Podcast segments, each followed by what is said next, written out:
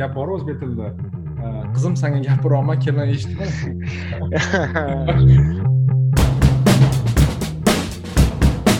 слишком oshirib такой догматично o'ylashyaptida ha oshiryapti by default ya'ni nima deydi o'zbekchasiga default. Ya'ni hozir boshidan qaytarib yuboringda mana shunda bu joyi kesib tashlaymiz uncha assalomu alaykum hurmatli tinglovchilar o'zbek economics podkastining navbatdagi epizodiga xush kelibsiz siz bilan botir qobilov va bekzod hoshimov bugungi mavzuyimizda biz anchadan beri ikkalamiz ko'p bu haqida ko'p gaplashgan ko'p yozgan va ko'p mulohaza qilgan mavzuyimizni tanladik. Va bu albatta har bir o'zbekistonlik va har birimizga juda ham taalluqli va yaqin bo'lgan va hammani hammani o'ylantirishga va hammani qandaydir qaror to'g'ri qaror qabul qilishga undashga bo'lgan mavzu hisoblanadi va bu ham bo'lsa shahar shaharsozlikning bir qismi ya'ni yo'llarimizdagi tirbandlik yo'llarni kengayishi va yo'llardagi o'limlarning soni va shunga o'xshagan mavzuni tanladik.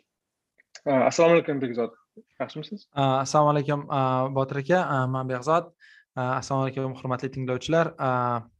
Xush kelibsizlar xush kelibsiz botir aka. Botir aka man sizni oxirgi postlaringizni o'qidim. Man ham siz o'sha bir e, maqolaga e, ilova bergan edingiz u maqolani ma'nosi qanaqa ediki? E, yo'llarni kengaytirish shaharda yo'llarni maydonini oshirish shahardagi tirbandlikni oshirishga olib keladi. Umuman yo'llarni estakadalarni ko'priklarni va shu kabi yo'l infrastrukturasini yaxshilash ya'ni yaxshi niyat bilan yaxshilash Э, shaharni yomonlashtiradi ya'ni probkalarni ko'paytiradi tirbandlikni ko'paytiradi va hokazo degan bir xulosa beradigan maqolaga e, ilova berdingiz. U maqolaga men ham undan oldin e, ilova bergandim man ham o'sha maqolani o'qigandim lekin e, u maqolani xulosalari juda non trivial bo'lgani uchun sizdan savol qanaqaki nima uchun mantiqan bir oddiy tilda tushuntirib bera olasizmi? Qanaqa qilib yo'l keng bo'lsa tirbandlik ko'p bo'ladi o'zi aksinchaku masalan odam o'ylab qarasa kengroq yo'l degani kamroq tirbandlikku degan bir fikr bor. Shuni bir aytib berasizmi? Rahmat. Ha albatta. Bu juda ham non trivial bo'lmagan masala. Ya'ni ko'pchilik o'rta statistik odam o'ylashi mumkinki tirbandlikni eng birinchi va eng yagona yo'li bu tirbandlikni yechishni yagona yo'li yo'llarni yanada kengaytirish kerak deb aytishadi lekin bu ko'pchilik uchun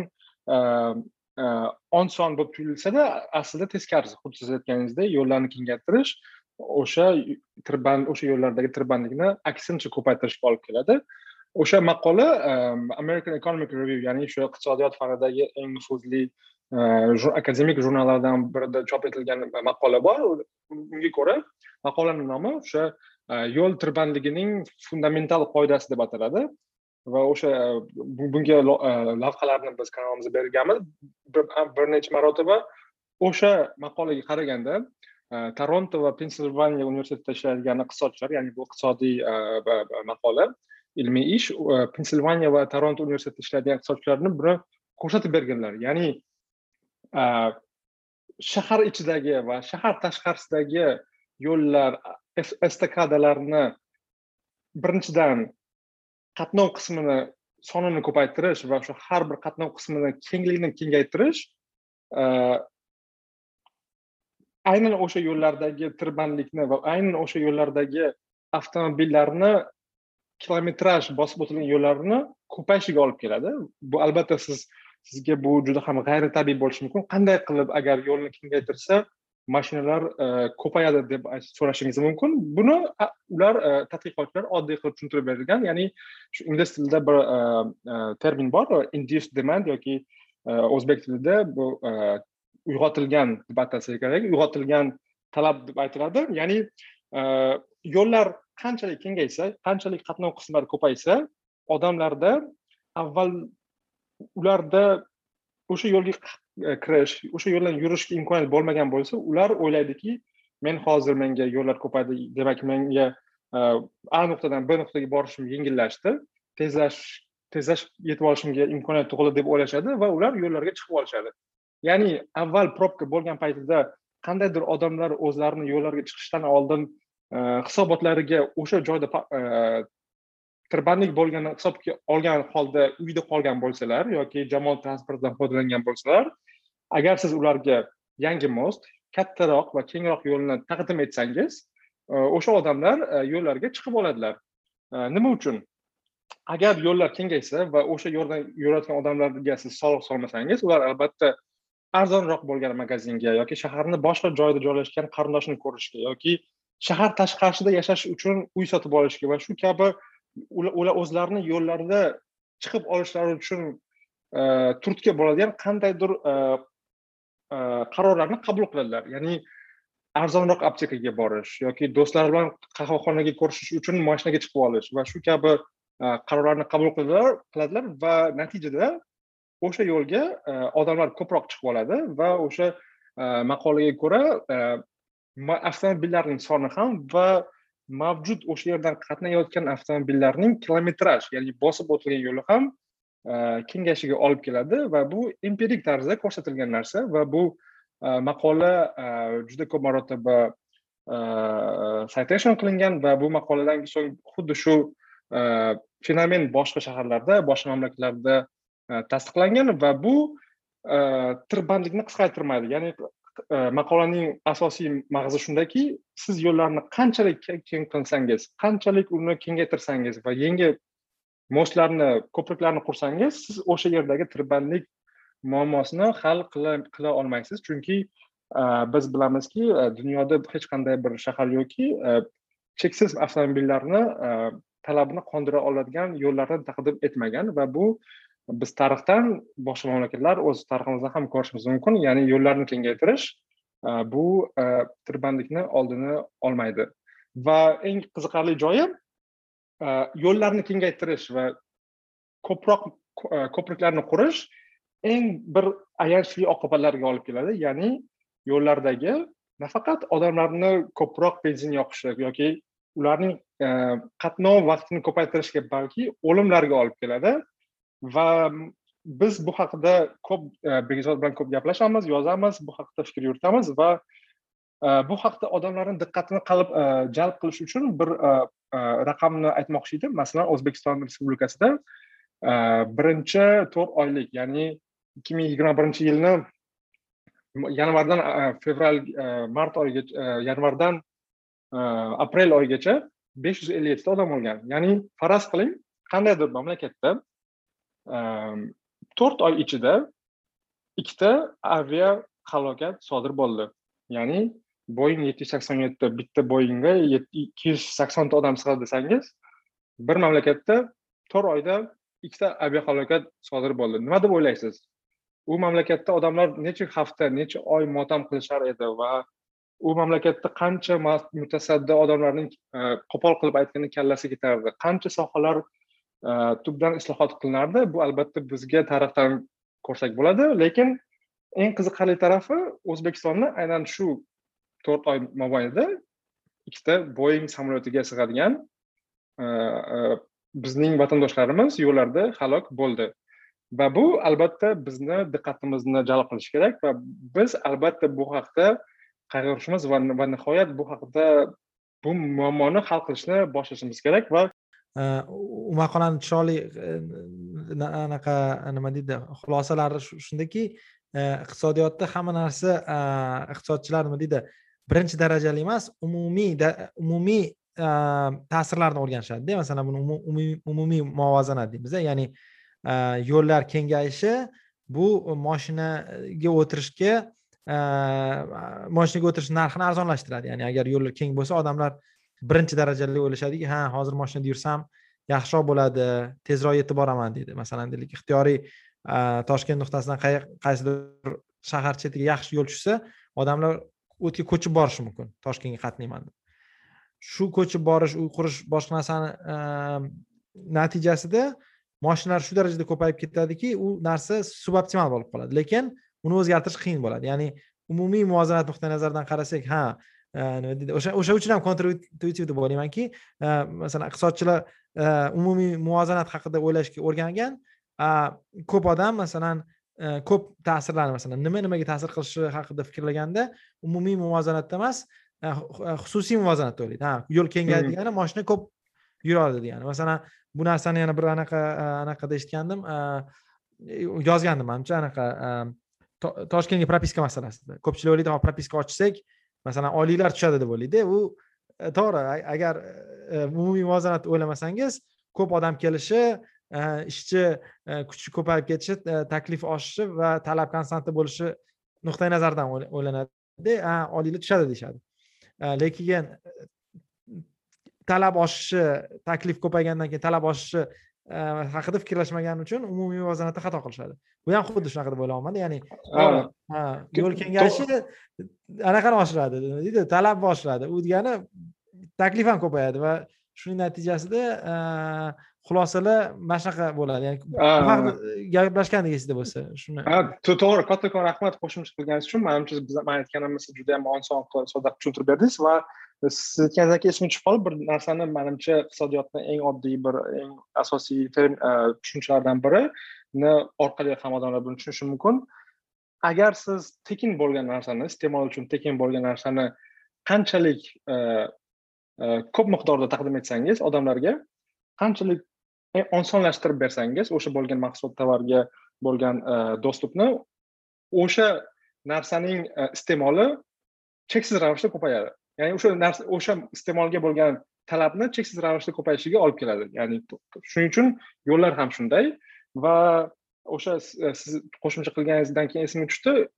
Tirbandlikni qisqartirish yo'li nima deb so'rasangiz teskarisi ya'ni yo'llarni qisqartirish aynan tirbandlikni e, qisqa kamaytirishga olib keladi. Bu ham manimcha e, o'rta statistik odamning tushunchasida joy olish juda ham qiyin. Qanday qilib yo'lni qisqartirsa tirbandlik kamayishi mumkin lekin bu albatta biz bu haqida bir tushuntirsa bo'ladi.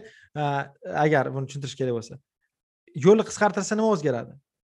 Yo'lda yurish qulayligi ketadi. Ya'ni komfort ketadi ko'proq ketadi. Masalan hozir deylik toshkentda bor yo'llarni ikki baravariga qisqartirsak masalan polosani hajmini deylik ikki baravar uzoqroq ketadi. Masalan hozir undan oldin o'n minutlik yo'l uchun endi yigirma minutga ketishga to'g'ri keladi bu degani qisqa muddat mana bir xil narsalarda qisqa muddatli effektlar bor bir xil narsalarda uzoq muddatli effektlar bor.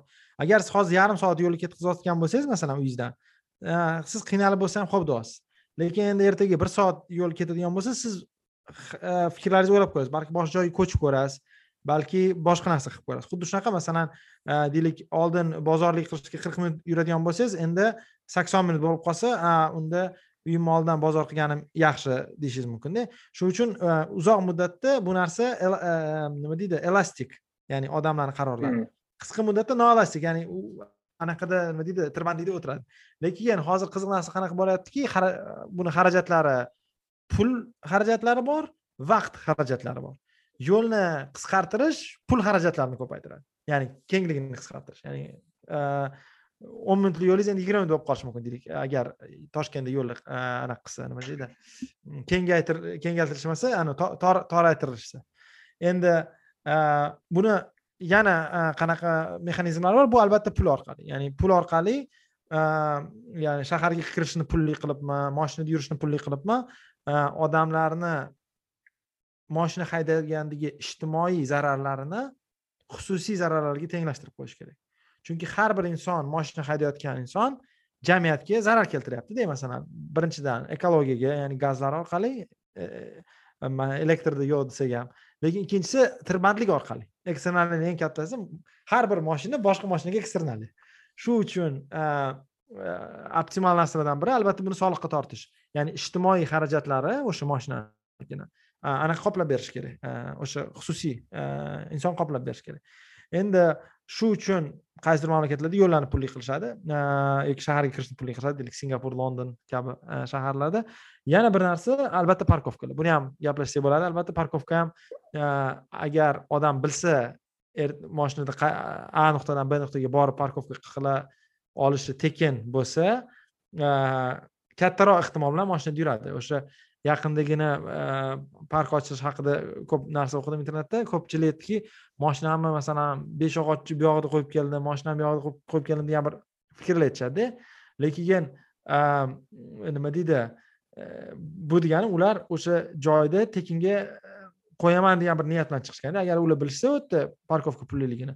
Unda borishmasdi masalan ko'p bilasiz katta shaharlarda masalan man chikagoga boshqa shaharlarga borsam moshinamda yurmaslikka harakat qilaman. Chunki moshinamni bir soat parkovka qilaman desam deylik shahar markazida yigirma besh dollar soatiga to'laymanda parkovkaga masalan taksida borsam o'n besh dollarga boraman o'shanga shu shu masala ham manimcha aytilishi kerak ya'ni xarajatlar deganda o'sha yo'l qisqartirish tirbandligini kamaytiradi qanaqa vaqt qimmat qilib qo'yadi xolos ikkinchisi pul orqali ham buni bir anaqaga olib kelsa bo'ladi deb o'ylayman. Endi juda juda anaqa nima deydi bu bu bu manimcha haqida odamlar kam o'ylaydi va siz aytganingizdek noto'g'ri e, qabul qilishadi. Ya'ni yo'llarni avtomobil haydovchilari uchun siz aytgandek sog' qilish bu ya'ni ular uchun moddiy nuqtai nazardan qimmatroq qilib qo'yish ya'ni shaharga kirishda ham pulli qilib qo'yish kerak va eng oddiy narsa masalan siz aytganingizdek agar istalgan yangilikka qarasangiz toshkentdan yoki o'zbekistonda qurilayotgan yo'llar ko'priklarga masalan istalgan yangilikka qarasangiz albatta undan byudjetdan pul ajratiladi va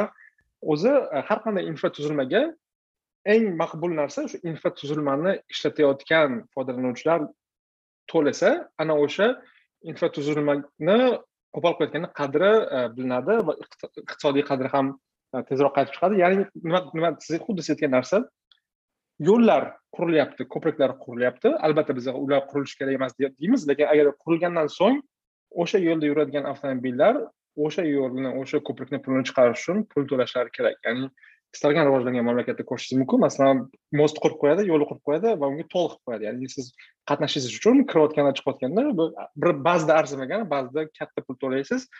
Ya'ni aytmoqchimanki ko'prik va yo'l qurilgandan so'ng o'sha ko'prik va yo'ldan avtomobil haydashga qurbi ham bo'lmagan yoki imkoniyati ham bo'lmagan ba'zi toifadagi odamlar pensionerlar moshina haydashi mumkin bo'lmagan odamlar moshinasi bo'lmagan odamlar orqali byudjetdan bir xil teng ravishda pul olish kerak emas balki aynan o'sha ko'prik va mostdan yurayotgan odamlar moshina avtomobilistlar e, albatta kirib chiqayotganda pul to'lash kerak va siz aytgandek parkovka ham manimcha e, tekin bo'lgan narsani qanchalik oson qilib qo'yilishi o'sha o'sha bo'lgan narsaga talabni cheksiz oshirib borishiga Э, э. endi aytmoqchi bo'lganim qarang.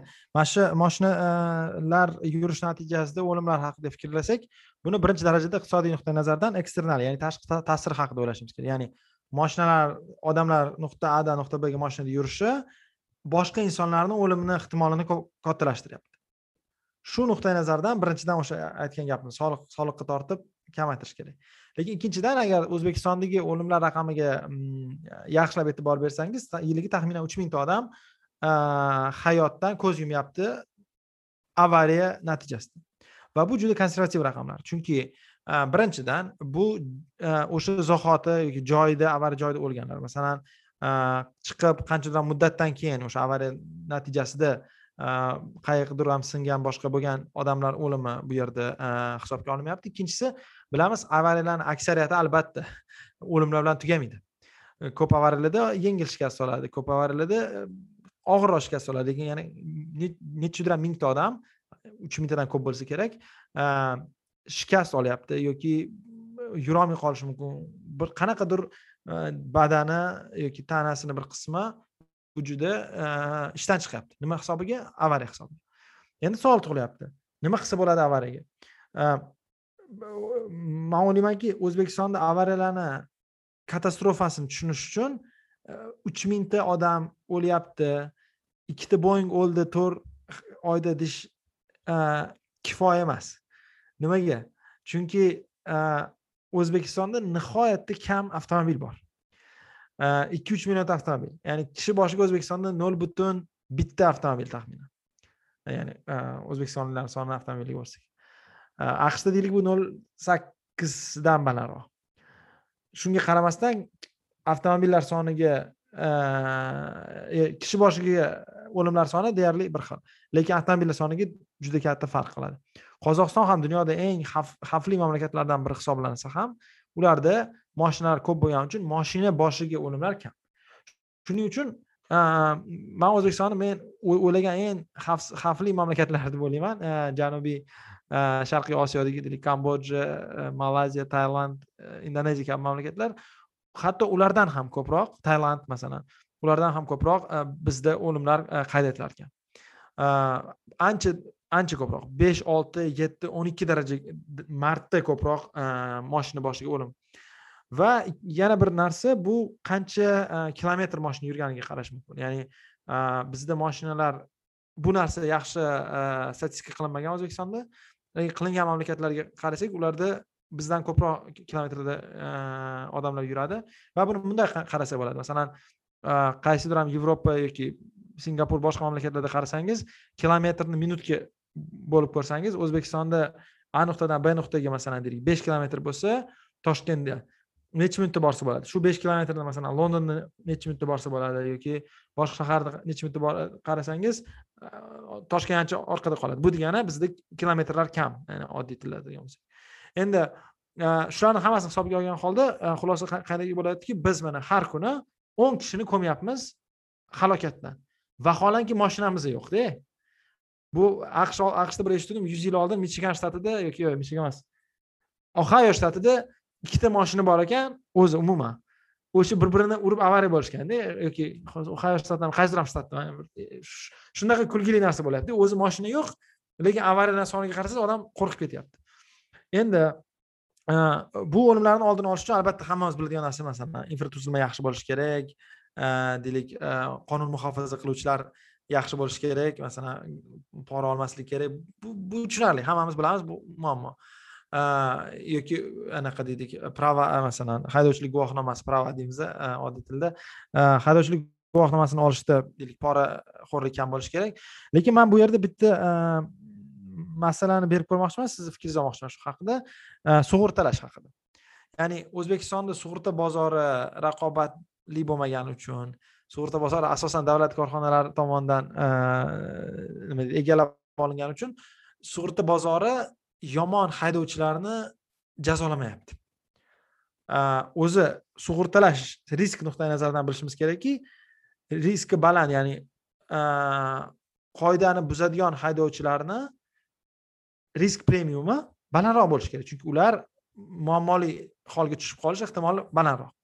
Va man o'ylaymanki o'zbekistonda agar sug'urtalashni deylik odam o'lishiga bog'lasangiz masalan mana bunaqa desada agar yo'l harakati avariyasi natijasida odam shikast yesa yoki o'lsa qanchadir ham ming dollar million dollar masalan bilmayman nechi pul masalan qanaqadir narx qo'yib shuncha summani sug'urta kompaniyasi to'lab berish kerak degan bir talab qo'yilsa masalan o'sha odamni sug'urtalagan kompaniya.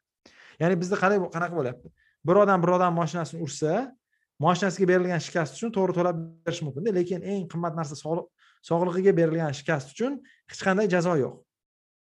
Shuning uchun man nima deb o'ylayapman agar biz shu narsani sug'urtalashni shart qilib qo'ysak ya'ni yo'l harakati natijasida odamlar halok bo'lsa yoki badaniga shikast yetsa yoki qanaqadir ham og'riqga yetsa sug'urta kompaniyasi o'sha moshinani sug'urtalagan kompaniya ya'ni aybdor odamni sug'urtalagan kompaniya ikkinchi tarafga to'lab berish shartini qo'ysak. Buni natijasida nima bo'ladiki sug'urta kompaniyalar o'ylaydi. Ha hozir masalan bizda deylik o'n mingta deylik mijozimizdan o'ntasida qanaqadir ham yomon narsa bo'lib qolsa bu bizga katta e, moliyaviy zarar. Shuning uchun biz qanday qilib o'zimizni mijozlarimizni rag'batlantiramiz deydi? Albatta pul orqali ya'ni chiroyli yaxshi haydaganlarga e, yaxshilik bilan ya'ni arzon narxlar bilan yomon haydaganlar qimmat narxlar bilan. Shunda odamlardan o'sha haydovchilik guvohnomasini olish ham kerak bo'lmay qoladi. Bir xil insonlar shu darajada xavfli bo'lib qolishi mumkinki haydashi pulda. Ular aytishi mumkin yo man haydamayman deb. Man sizga boya berdim man bir tanishim amerikada bir ikki marta e, tez yurib boshqanasi qilgani uchun uni sug'urtasi oyiga besh yuz dollarga chiqib kelgan. Albatta u unaqa endi e, o'zbekistonda aytgandagi e, vegetarianskiy narsa qilgan noto'g'ri parkovka qilgan bir marta mashinasini tashlab ketgan bir marta o'ttiz mil joyda qirq beshda yurgan. Endi bo'ladiyu o'zbekistonda bu juda bir normal narsa. Shu qilgani uchun uni sug'urtasi juda yam baland. Ya'ni oyiga besh yiliga olti ming to'lash kerak. O'shanda bir aytdiki mani moshinam narxi sug'urtamni narxidan arzonroq yillik e, e, sug'urtasidan moshinani narxi arzonroq deb shuni aytmoqchimanki mana mana shu narsani bir e, taklif qilgan bo'lardim siz nima deb o'ylaysiz shu haqida?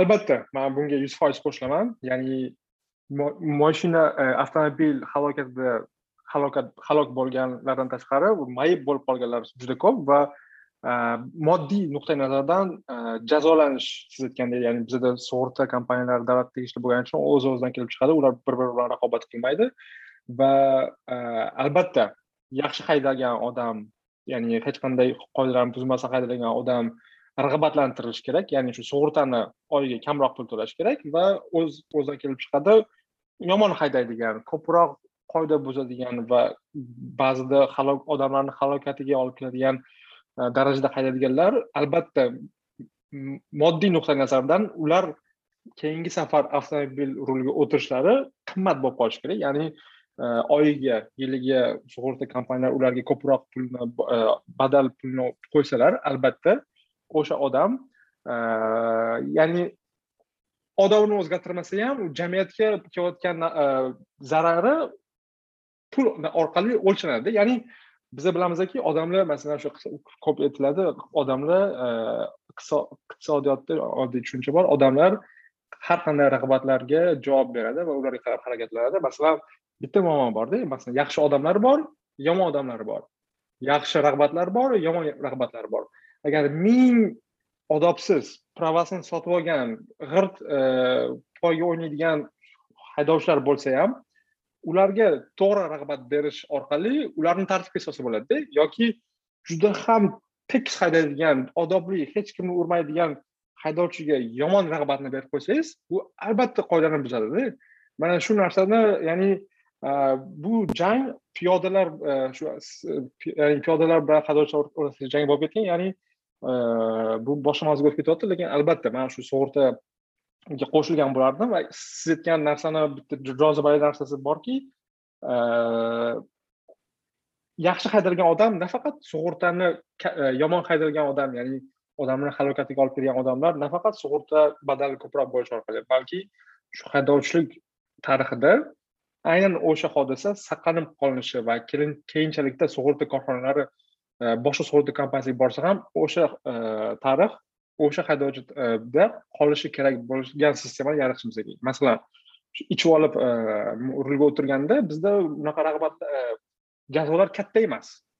Ichib olib odam urib ketsangiz yoki uni halokatiga olib keladigan darajada urib ketsangiz sizni unchalik katta katta miqyosda jazolanmaydi. Ya'ni mana shu narsani ham manimcha o'ylaymanki ya'ni odam urish bilan tezlikni oshirib odam urish bilan parkovka qilib yoki tonirovkaga pul to'lash badali bizda deyarli bir xilda bu hmm. juda ham aql aqlga e, bovar qilmagan narsa. Shuning uchun aytdingiz shu iqtisodiy nuqtai nazardan e, e, qimmat qilib qo'yish kerak. Keyin qizig'i biz ichmaydigan xalqmizda o'zbekistonda agar unaqa qarasak ichkilik ko'p emas. Man anaqalar ham qaradim qayerdadir ham ko'ruvdim bir bizda ichib avariyaga tushganlar besh foizmi yetti foiz orasidada.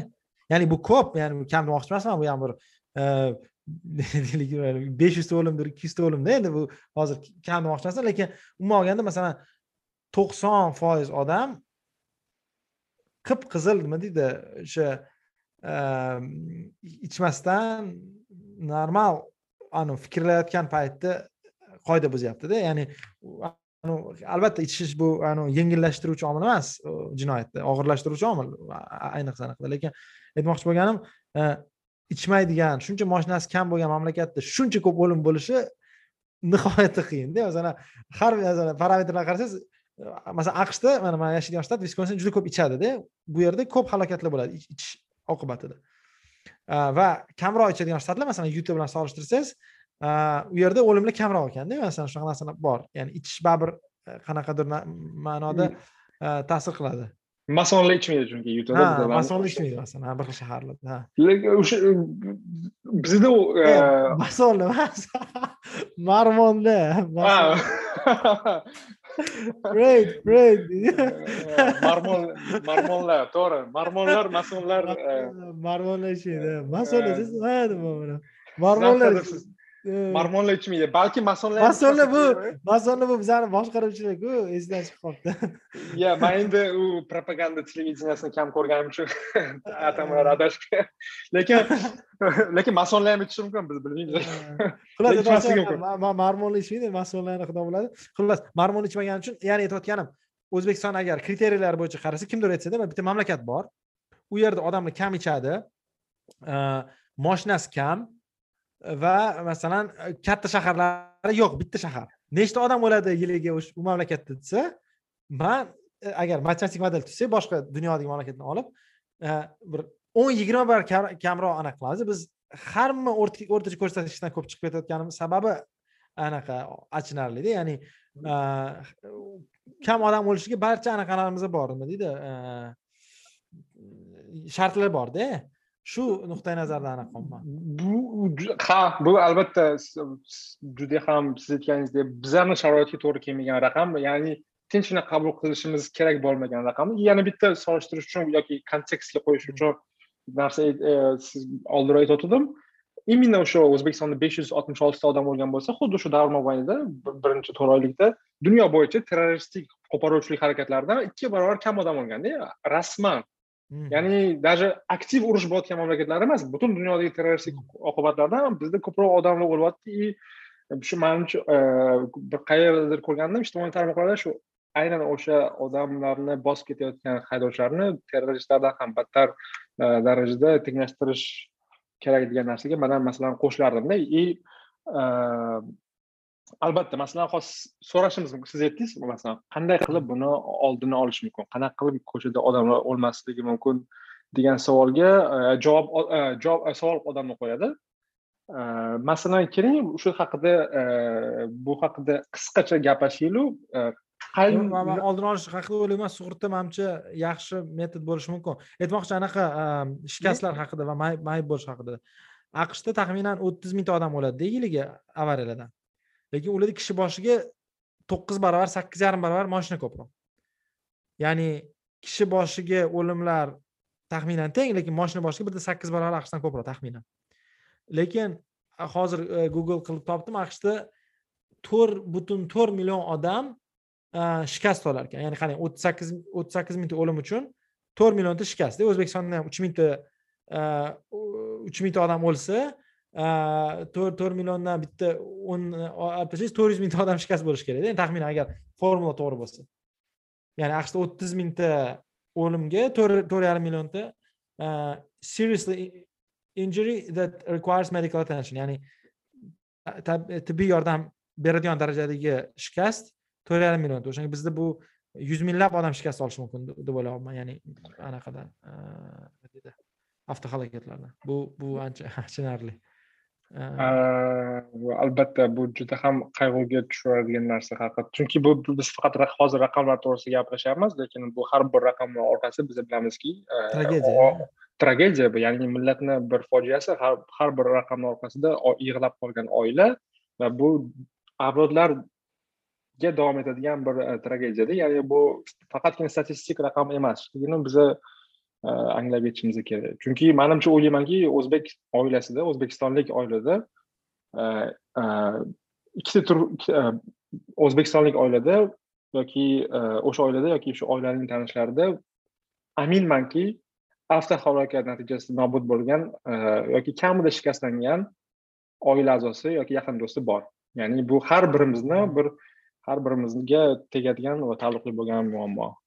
Lekin bu muammoni masalan yechish mumkin emas bo'lganida masalan agar aytsangizda mana bu endi yechib yechishimiz mumkin. Ha mayli ekan deydi lekin boshqa mamlakatlarda o'n barobar kam odam o'lyaptida masalan bu narsa mana anaqa qiladida masalan hozir uch mingta odam o'lyaptimi ikki ming yetti yuzta kamroq bo'lishi mumkin ya'ni ikki ming yetti yuzta odam yig'lamasdi yiliga. O'sha siz aytganingizdek o'nta boing o'lmasligini oldini olish mumkinda. Agar aqshdagi darajaga yetkazsak ya'ni aqsh judayam moshina ko'p ichish ko'p mamlakat ya'ni bu nihoyatda moshina atrofiga qurilgan mamlakat darajasiga yetish uchun man e, boya aytgandek sizga tailand kamboja filippin darajasiga yetsak e, boshim osmonga yetardida biz hozir e, anaqa urush zonasidagi bir raqamlar haqida gapiryapmiz kamaytirish haqida yana bir narsa o'yladim. Botir aka bilmadim qanaqa deb o'ylaysiz mana bu sug'urta kompaniyani bilsangiz anaqa datchiklar qo'yib qo'yadi mashinangizga agar haydasangiz ular qarab yuradi agar yaxshi haydasangiz narxini tushirib beradi sug'urtasini ya'ni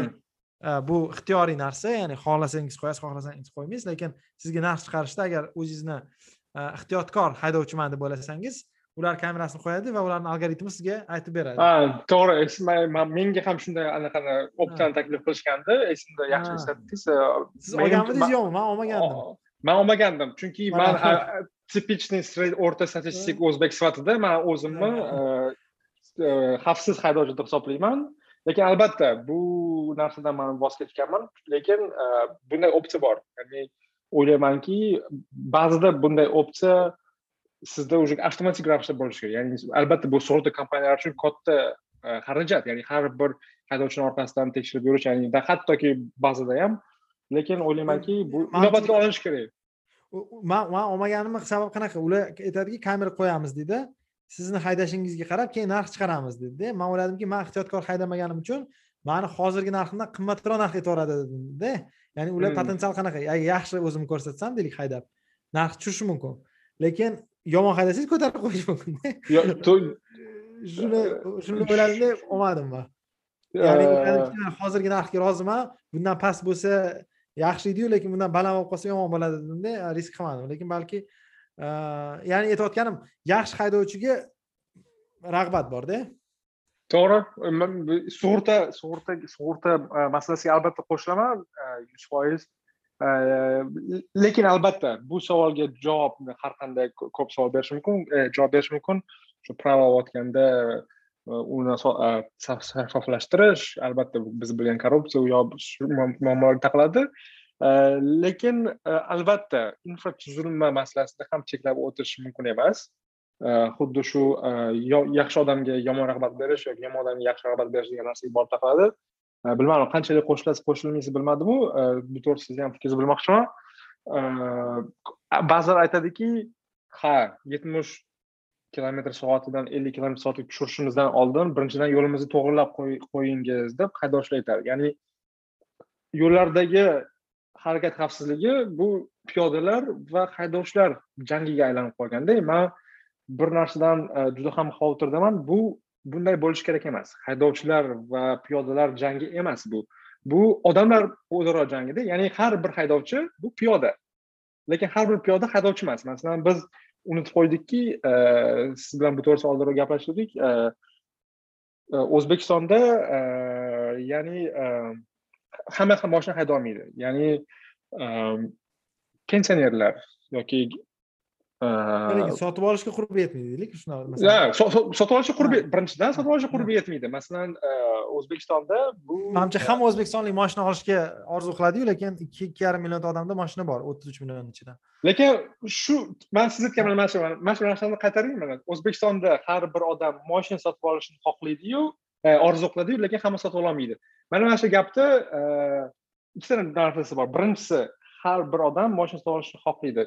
Mana mana shu ham noto'g'rida ya'ni moshina bizda ko'p haydovchilar uchun e, masalan faraz qiling erkak haydovchilar uchun ikkinchi ayol bo'lib qolganda ya'ni moshina moshina va moshina degan narsa e, biz cheksiz ravishda mutasaddi yo'l patrul xizmatilar adashishimiz mumkin lekin qadriyatimizga kirib ketgan narsada ya'ni moshina moshina moshina bo'lish bu albatta avtomobillashtirish siyosati avtomobillar avtomobilga hamma narsa taqalib qolishi shaharlarni faqat avtomobilga ada qilish oqibatida kelib chiqayotgan narsa ya'ni lekin bu siyosiy anaqa hamda siyosiy kuch hamda albatta o'sha ikki yarim million odam ovozi balandroq eshitiladi masalan hozir moshinalar masalan shaharda parkovka pullik bo'lsin shaharga kirish pullik bo'lsin moshinada masalan yoki qanaqadir ham yangi soliqlar qo'yish ya'ni o'sha moshinani ijtimoiy zararini soliqlar orqali to'g'ri joyga yo'naltirish ya'ni jamoat transportini rivojlantirishga yo'naltirish haqida aytib ko'rsangiz bu eng qiyin guruh. Chunki ular mobilizatsiya qila oladi ular to'polon qila oladi ularni eshitishadi. Va bu faqat o'zbekiston muammosi emas. Butun butun dunyoda hamma mamlakatlarda bu bu shu shu yomon taraf lekin bizdagi uchiga chiqqan mamlakatlar kam. Buni ham tan juda kam. o'sha sizni yaxshi ko'rgan masalaga ham taqaladida biz yaxshi ko'rgan proteksionizmni ham asosiy anaqasi o'sha proteksionizmni so'raydigan odamlar guruhi lobbi guruh orqali juda ham tez mobilizatsiya qila oladi har xil assotsiatsiyalar bor ya'ni e, bizni boshimizda o'tirgan har qanday assotsiatsiyalar tez tez mobilizatsiya qiladi lekin iste'mol toshkentda bor u bu ya'ni ikki yuz mingta odam bor водитель toshkentda ikki yuz mingta bor. Пешеходы toshkent degan gruppa bormi? Bo'lsa uch yuz o'n beshta odam bo'lsa kerak masalanda. Ya'ni uch million toshkentda uch million ha. yuz mingta odamda и o'sha haydovchiga aytishimiz mumkin. Sani seni onang yoki seni qizing piyoda. San avtomobilistsan to'g'ri. Masalan bizni tashqaridan ishlayotgan odamlar behzod bodir sizlar nima avtomobilchilarni yomon ko'rasizlarmi deb o'ylaydi. Masalan biz moshina haydaymiz tanlaganimizdan biri lekin bu masala piyoda va avtomobilchi o'rtasida bo'lishi kerak emasda. Bu har bir haydovchi piyodani o'zida e, bu siyosiy va madaniy qorishib ketgani mani bir juda tushkunlikka tushadi. Chunki masalani yechimi e, oson emasda. Yo'q o'zim manimcha jamiyatni rivojlan rivoj topish yoki shaharni rivojlantirish darajasi ham manimcha boylar jamoat transportida yurish degan koeffitsient bo'lsa kerak. Chunki ko'p mamlakatlarda e, va ko'p shaharlarda deylik masalan o'sha hamma yaxshi ko'rgan singapur yoki tokio boshqa joylarda jamoat transporti shunchalik yaxshiki Э, moshina olishga unchalik talab ham yo'q. Man singapurda yashaganimda eng sog'inadigan narsam aynan shu. Ya'ni moshinaga talab ham kerak emasda. To'g'ri masalan bir xillar taksida yurish mumkin lekin taksi ham nisbatan arzon aqshdagi emas. Lekin e, nima deydi e, hamma narsaga o'n minut o'n besh minutda anaqada borasiz nima deydi avtobusda borasiz yoki metroda. Va bu bor narsada manga вообще alam qiladi. Ya'ni e, shuni bir hal qilolmasligimiz muammo. Lekin siz aytganingizdek bu siyosiy oddiy siyosiy masala. Ular yana bir narsa uzr. Bizda demokratiya unchalik yaxshi rivojlanmaganligi uchun buni demokratik linza orqali emas boshqacha linza orqali qarash mumkin. Hamma qaror qabul qiluvchilar moshina haydovchilar. Lekin nima deydi piyodalar mana moshinasi yo'q odamlarni nol foizi qaror qabul qiluvchilar. Ya'ni moshinasi yo'qlarni ichida qaror qabul qilish darajasidagi odamlar yo'q. Qaror qabul qiluvchilarni ichida moshinada yurmaydigani ham yo'q. Shuning uchun nima deydi? Ular bu haqida o'ylamasligi natural bir siyosiy qonuniyatdek ko'rinadida. Masalan real masalan shahar hokimiyatidan tortib e, respublika darajasida ixtiyoriy qanaqadir joyda ishlaydigan odam albatta moshinasi borda. Mahalla komissiya uchastkovoylarda ham mashinasi borda endi man oddiy anaqa qiladigan bo'lsa. Byudjet hisobidan masalan yoki har bir tashkilot agentligi ha masalan madaniyat vazirligida bor moshina masalan и o'sha o'sha vazirlikni moshinalari masalan bog'cha maktabdan oldida qo'yasiz. Ya'ni shaxsiy anaqasi ishlatadi. Ya'ni o'zi man masalan mani bitta anavi mashhur emas anaqam bor nima deydi opinion deydi unpopular opinion deydi. Man o'ylaymanki o'zbekistonda davlatda ishlaydigan odamlarga davlat tomonidan moshina ta'minlanishi kerak emas. Agar albatta taqiqlanishi kerak. Yo'q yo'q taqiqlanishi ham bilmayman masalan anaqa davlat hisobidan moshina olish faqat deylik o'sha tez yordam politsiya mana shunaqa anavi favqulodda narsalar uchun olish mumkin lekin deylik nima uchun ixtiyoriy bir vazirlik masalan nima uchun mahalla vazirligini vaziriga moshina kerak yoki to'rt yuz million dollar to'rt yuz million to'rt yuz million so'mga nima kerak?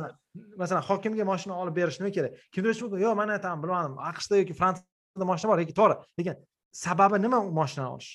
Man mana shuni sababini tushunmayman agar e, transport bilan ta'minlash kerak bo'lsa pul bersin. Kimdir xohlasa taksida yursin kimdir xohlasa o'zi moshinasini sotib olsin kimdir xohlasa tramvayda yursin nima qilsa qilsin endi masalan astana degan hokimiyatda eshitgan bo'lsangiz astana hokimiyatini ishchilarini moshinada kelishni taqiqlab qo'yishdi eshitdim eshitdim. Bu ham bu ham sal ekstremroq lekin man o'ylayotganim anaqada.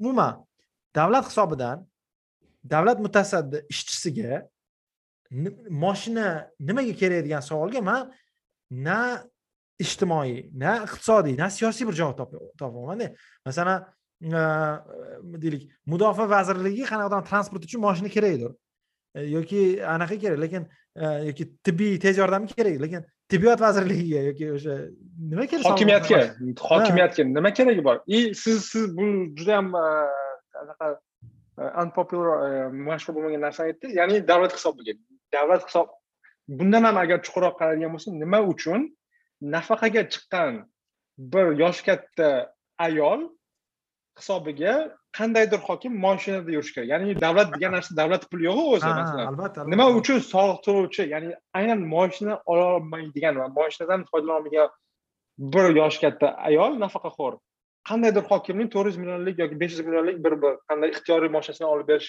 kerak degan savol albatta qo'shilaman. Nima nima qanday man o'ylayman mana shu narsa ham siyosiy iqtisodiyotni o'zgartirishi mumkinda. Qanaqa ma'noda? Man oddiy qilaylik masalan deylik hokimlardan tortib mana ixtiyor masalan muzey boshliqlariga ham moshina berishadi davlat hisobidan. Kimyo sanoati vazirini o'rinbosarida ham moshinasi borda davlat hisobidan. Ho'p deylik man viloyatlarga chiqaman deyish mumkin yoki man там anaqalar bilan rayon rayonlarga boraman deyish mumkin. investorlarni olib yuraman. Ha investorni olib yuraman deyish mumkin ha. Yoki masalan ho'p mana investor masalan deylik rayonlarga yurish uchun u moshinadan boshqa moshina yo'q taksi ol masalan. Avtobusda yur bilmadim. Masalan nima uchun e, nima deydi davlat xizmatchisi bo'lsa unda moshina bo'lishi kerakda xuddi shunaqa masalan hatto qonun muhofaza qiladigan odamlar masalan analitiklar bor ishlaydigan ichki ishlarda boshqalar ularda ham moshina kerak masalan agar o'sha patrul xizmati bo'lmasa ya'ni yo'lda kimdir kimdir tutolmaydigan bo'lsa kerak emas. Xuddi shunaqa deylik faqat man hozir anavi e, man aytyapman mana prokuraturadan tortib markaziy bankgacha statistika qo'mitasidan tortib e, sog'liqni saqlash vazirligigacha epidemiologiya markazini boshlig'igacha yoki muzey direktorligi. Nimaga moshina davlat hisobidan moliyalashtirish kerak? Eng ajoyib eng achinarli tarafini bilasizmi buni bu qonuniylashtirilgan ixtiyoriy masalan bir agentlik ochildi yoki qandaydir bir mahalla vazirligi ochib qarasangiz e, farmoyishmi nimada turadi o'shanda yozilgan moshina berilsin masalan e, xizmat mashinasi birinchi darajali ikkinchi darajali e, rahbarlarga avtomobil berilsin degan уже qonuniylashtirilganda mana mana shu narsa anaqa bor haydovchisi bor masalanda hmm. oddiy qilaylik mana bitta vazirmi bir ishchimi? Keladi ishxonasiga man anaqa bitta vazirlikni oldida ko'p yurdim. Ko'ramanda mana qimmat mercedes moshina ko'raman yoki boshqa chet el rusumli moshina ko'raman. Kuni bilan masalan o'tiradi vazir yoki deylik majlisga boradida nimaga masalan u depressiatsiya qiladigan narsa masalan moshinani soliq to'lovchilar hisobiga o'n ming o'n ming so'mga oldik deylik masalan. Besh yildan keyin u moshina masalan bilmadim to'rt ming so'm turadi. Ular moshinalar o'n minglik moshina emas yuz minglik moshinada anavi yildan yilga moshina soliq to'lovchiligi besh ming o'n ming dollarga tushadida masalan o'sha besh yuz millionga olgan moshinani ertaga nechi pulga sotadi bular? Yuz millionga sotadida bir besh o'n yil haydab har yili demak soliq to'lovchilar buni moliyalashtiryaptida cho'ntagidan. To'g'ri и o'sha sizni gapingizni yana yopishaman nimaga mercedes. Milliy avtomobillarni haydasin kobaltda yursin degan odam bormi deymanda ba'zida и siz aytgan e, radikal taklifdan ham battar radikal taklif bor manda bu bu manimcha toshbo'ron e, ostida qolib ketishi muqarrar. Ya'ni nafaqat e, xizmat mashinalarini taqiqlash yoki ularga berilmasin deyish kerak. Va man o'ylaymanki o'sha o'zbekistondagi e, e, o'sha vazirliklar yoki ijro hokimiyatini e, idoralari o'sha binolari va joylashuvini shaharlar tashqarisiga chiqarish va buning natijasida ularni qatnovini qatnashini faqat jamoat transporti orqali majburlab qo'yish ya'ni rag'batlar orqali yoki majburlab qo'yish ya'ni moshinada emas xuddi siz aytgandek ostonada hokimiyatda moshinada kelish mumkin emas degandaki masalan qo'pol ravishda toshkent markazida именно o'zbekiston ko'chasida o'tirgan bir tashkilotni siz nazarbekka ko'chirib qo'ysangizda qanaqa qilib kelsan kel lekin sani moshinada kelolmaysan desangiz man sizga javob beraman ana o'sha yo'nalishda jamoat transporti ozgina bo'lsa ham marjinally yaxshilanadi. Chunki avtobusga tiqilib marshrutka tiqilib kelishga majbur bo'lgan e, bir mutasaddi ertaga xohlaysizmi xohlamaysizmi ana o'sha yo'nalishda yuradigan avtobusni хотя бы konditsionerni yoqtirishga buyruq beradida. Mana mana shu tarafi ham manimcha bu albatta bu hech kim bunga yo'l qo'ymaydi lekin e, jamoat transportini rivojlantirishni eng oddiy yo'li u qanaqadir anaqa qilish emas aynan shu rahbarlarni biroz tashqari shahar tashqarisiga qo'yib qo'yish va faqat jamoat transportida qatnashishga majbur qilish. Ya'ni jamoat transportiga majburlash chunki tekshirish qiyin qimmat narsada masalan. E, majburlash deganda qo'sh tirnoq ichida. Ya'ni xizmat avtomobili siz aytgandek berilmasa ular taksida keladimi? Yoki o'zi qurgan yo'lda probka bor ertaga. Majburan o'zi majburan ravishda metroga tushishga majbur bo'ladida yoki avtobusga chiqishga majbur bo'ladi. Chunki probka moshinada haydash mumkin emas. Ya'ni e, nima mana qarang mana xizmat avtomobil mumkin emas desangiz radikalga o'xshaydi lekin masalan xizmat samolyoti berilmasin. Desangiz masalan odamlar ha normal deydida xizmat samolyoti bormi ba'zilarda yo'q yo'q yo'q masalan aytyapman shu yo'qda lekin xizmat samolyoti yo'qligi normaldek ko'rinadi. Moshinaga yopishib olishadi. Manimcha bu e, anaqa e, eskilik anaqasi nima deydi merosi masalan samolyotlar haqida aytmoqchi. Bir katta o'zbekiston bankida katta lavozimda ishlagan odam rosa qiziqyapti qachon anavi biznes aviatsiya uchun anaqa ochilishi haqida aeroport va biznes jetlar ochilishi haqida. Nimaga deb so'rasam viloyatligi endi dedi ani oddiy hovlilardagi qiynalib biznes klassda uchmaymiz agar qanaqadir tashrif yoki bir narsa bo'lsa o'sha butun bank boshqaruvi o'n besh yigirma kishi yoki hamma bankirlar birga uchib boramiz. Shunga tezroq qilishsa yaxshi bo'lardi degan fikr bildirdi. Qaytaraman. Davlat bankini ishchisi bu davlat mutasaddisi deganida endi oddiy tilda manga shu qiziq ko'rindi. Ya'ni masalan moshina e, er, ertaga aytmoqchi bo'lganim hozir aeroportga u qarab turishdi. Ertaga agar e, qaror qabul qiluvchilar e, hovlilari bilan emas va aeroport bilan aeroport xizmatlari bilan nima deydi xizmatlarini olishni to'xtatishsa aeroport sifati ham buzilib ketadi. Aytmoqchi hozir ham ularga anaqa boshqa aeroporti bor o'zini. Umid qilamanki umid qilamanki bu narsa bo'lmaydi. Umid qilamanki umid qilamanki shu eskilikka qurilyapti u aeroport qurilyapti biznes aviatsiya uchun. A уже kechib kechib bo'libdi. Oldidan oldidan o'tib ketdim. Sakkizta polosali yo'l. Biznes aviatsiya uchun aeroport qurilyapti уже yo'q masalan bu kabi narsalar bo'lish bo'lish bor masalan nyu yorkda masalan. Nyu yorkda bor masalan nyu york ichida ba'zida vertolyotda yurish osonroq masalan o'sha ko'rsatgandek bank yoki korporatsiyada xodimlariga a nuqtadan b nuqtaga ya'ni даже midtowndan yoki uptown downtowndan uptownga borish uchun vertolyotda yurish transportda yo'lga qo'yilgan to'g'ri bu juda muqobil ozgina pul ko'proq pul to'laysiz lekin muqobil. Lekin lekin bizni sharoitda yo'q lekin bu soliq to'lashni hisobiga emasda masalan nima qilsa qilishsa nima deydi qandayni deydiyu lekin bu soliq to'lashni hisobiga bo'lishi mani ko'proq anaqa qiladida nima deydi? Albatta. Chunki bank siz aytganingizdek bank sakson olti foizi biz bilamizda soliq to'lovchilarga tegishli. Ha yo'q man aytayotganim yuz foiz davlat banki ha bu yuz foiz davlat ha o'shanga juda qiziq bu nimaga siz aytdingiz eskilikni merosi nimaga qachondan bizda shunaqa qolib ketganki biz endi masalan eski paytda ham eski deganim feodalizm paytida ham masalan davlat xizmatchisi xizmatchi emas boshliqdek qaraladida. Va boshliq mana masalanda oddiy narsa. Sezganmisan o'zbekistondagi siyosiy iqtisodiyot bor? Hamma vazirlarda bir xil rusumdagi avtomobillar emas kimdirlarda ikki yuz yigirma ikkinchi mercedes. Kimdirlarda e, ikki ming beshinchi yildagi mercedes. E, kimdirlarda cadillac. Mana shunaqada man mana shunda o'ylaymanki bu qanaqadir masalan e, iyerarxiyani topish. Bir xilda masalan vazir bo'lmagan odamlar bor. Qimmat mashina deyishadi. Bir xillar bor anavi darajasi baland bo'lishi kerak siyosiy deylik iyerarxiyada lekin arzonroq mashina deyishadi. Masalan sudni boshlig'i nimada yurishi masalan qarang solishtirib ko'ring. U qiziq narsa hozir anaqa qilolmayman lekin man o'zim bunga juda yam ko'p ahamiyat berganman. Va anaqa qilganman. Eng muhim narsasi mana shu eng muhim emas yana bir o'zimni kuzatuvimdan bittasi aynan qaysi vazir yoki qaysi bir shu hokim masalan. Hokim qanday mashinada yurishi itam bitam biladida bizada masalan. Ya'ni ko'chada masalan anavi bunaqa mashina yuribdi. Va anavi yetti yuz yetmish yetti o'tib ketdi. Bu anavi hokim bu anavi sudni boshlig'i setgan ya'ni shu darajada ham siyosiylashdi ham madaniyatimizga kirib ketganki kuch ko'rsatish anaqasi deb o'ylayapman vositasi. Albatta mani zo'rligimni ko'rmoqchimisan qara soliq to'lovchilarni hisobiga qanchalik zo'r mashina olishga qodirman degani bu. Feodalizm. Albatta bu feodalizm. Shunga aytayotganim ha bu masalan u shartli hokim yoki anaqa boshliq e, yoki rais yoki e, vazir e, moshina yaxshi ko'rmasligi mumkin yoki moshinani bir fanati bo'lmasligi mumkin. Lekin u agar o'ziga qimmat moshina olmasa boshqalar uni unchalik bir